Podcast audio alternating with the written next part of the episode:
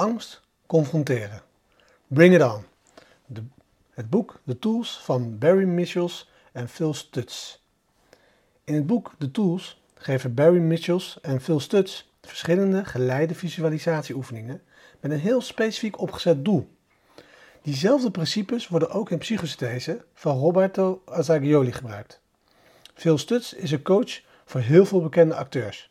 Hij was gefrustreerd dat de reguliere zorg vanuit psychologie onvoldoende bijdroeg aan het welzijn van zijn cliënten. Hij realiseerde zich dat mensen onvoldoende geholpen worden als ze praten over hun problemen en hun verleden. Ze hebben iets nodig dat hen helpt op het moment van hun zwakte. Hij is toen later op zoek gegaan naar manieren waarop hij mensen meer in het moment kan helpen.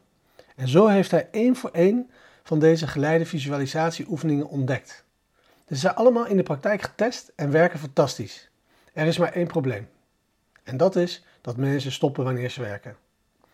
Het is de bedoeling dat je ze blijft gebruiken, want anders verliezen ze hun kracht. Een van de oefeningen gaat over de angst confronteren. De manier waarop veel ons daar doorheen leidt, is door tegen jezelf te roepen, en dat mag best luid: Bring it on! Kom maar op. De kunst is om dit vaker te oefenen en dat je dit vooral toepast op het moment dat je de angst in jezelf voelt opkomen.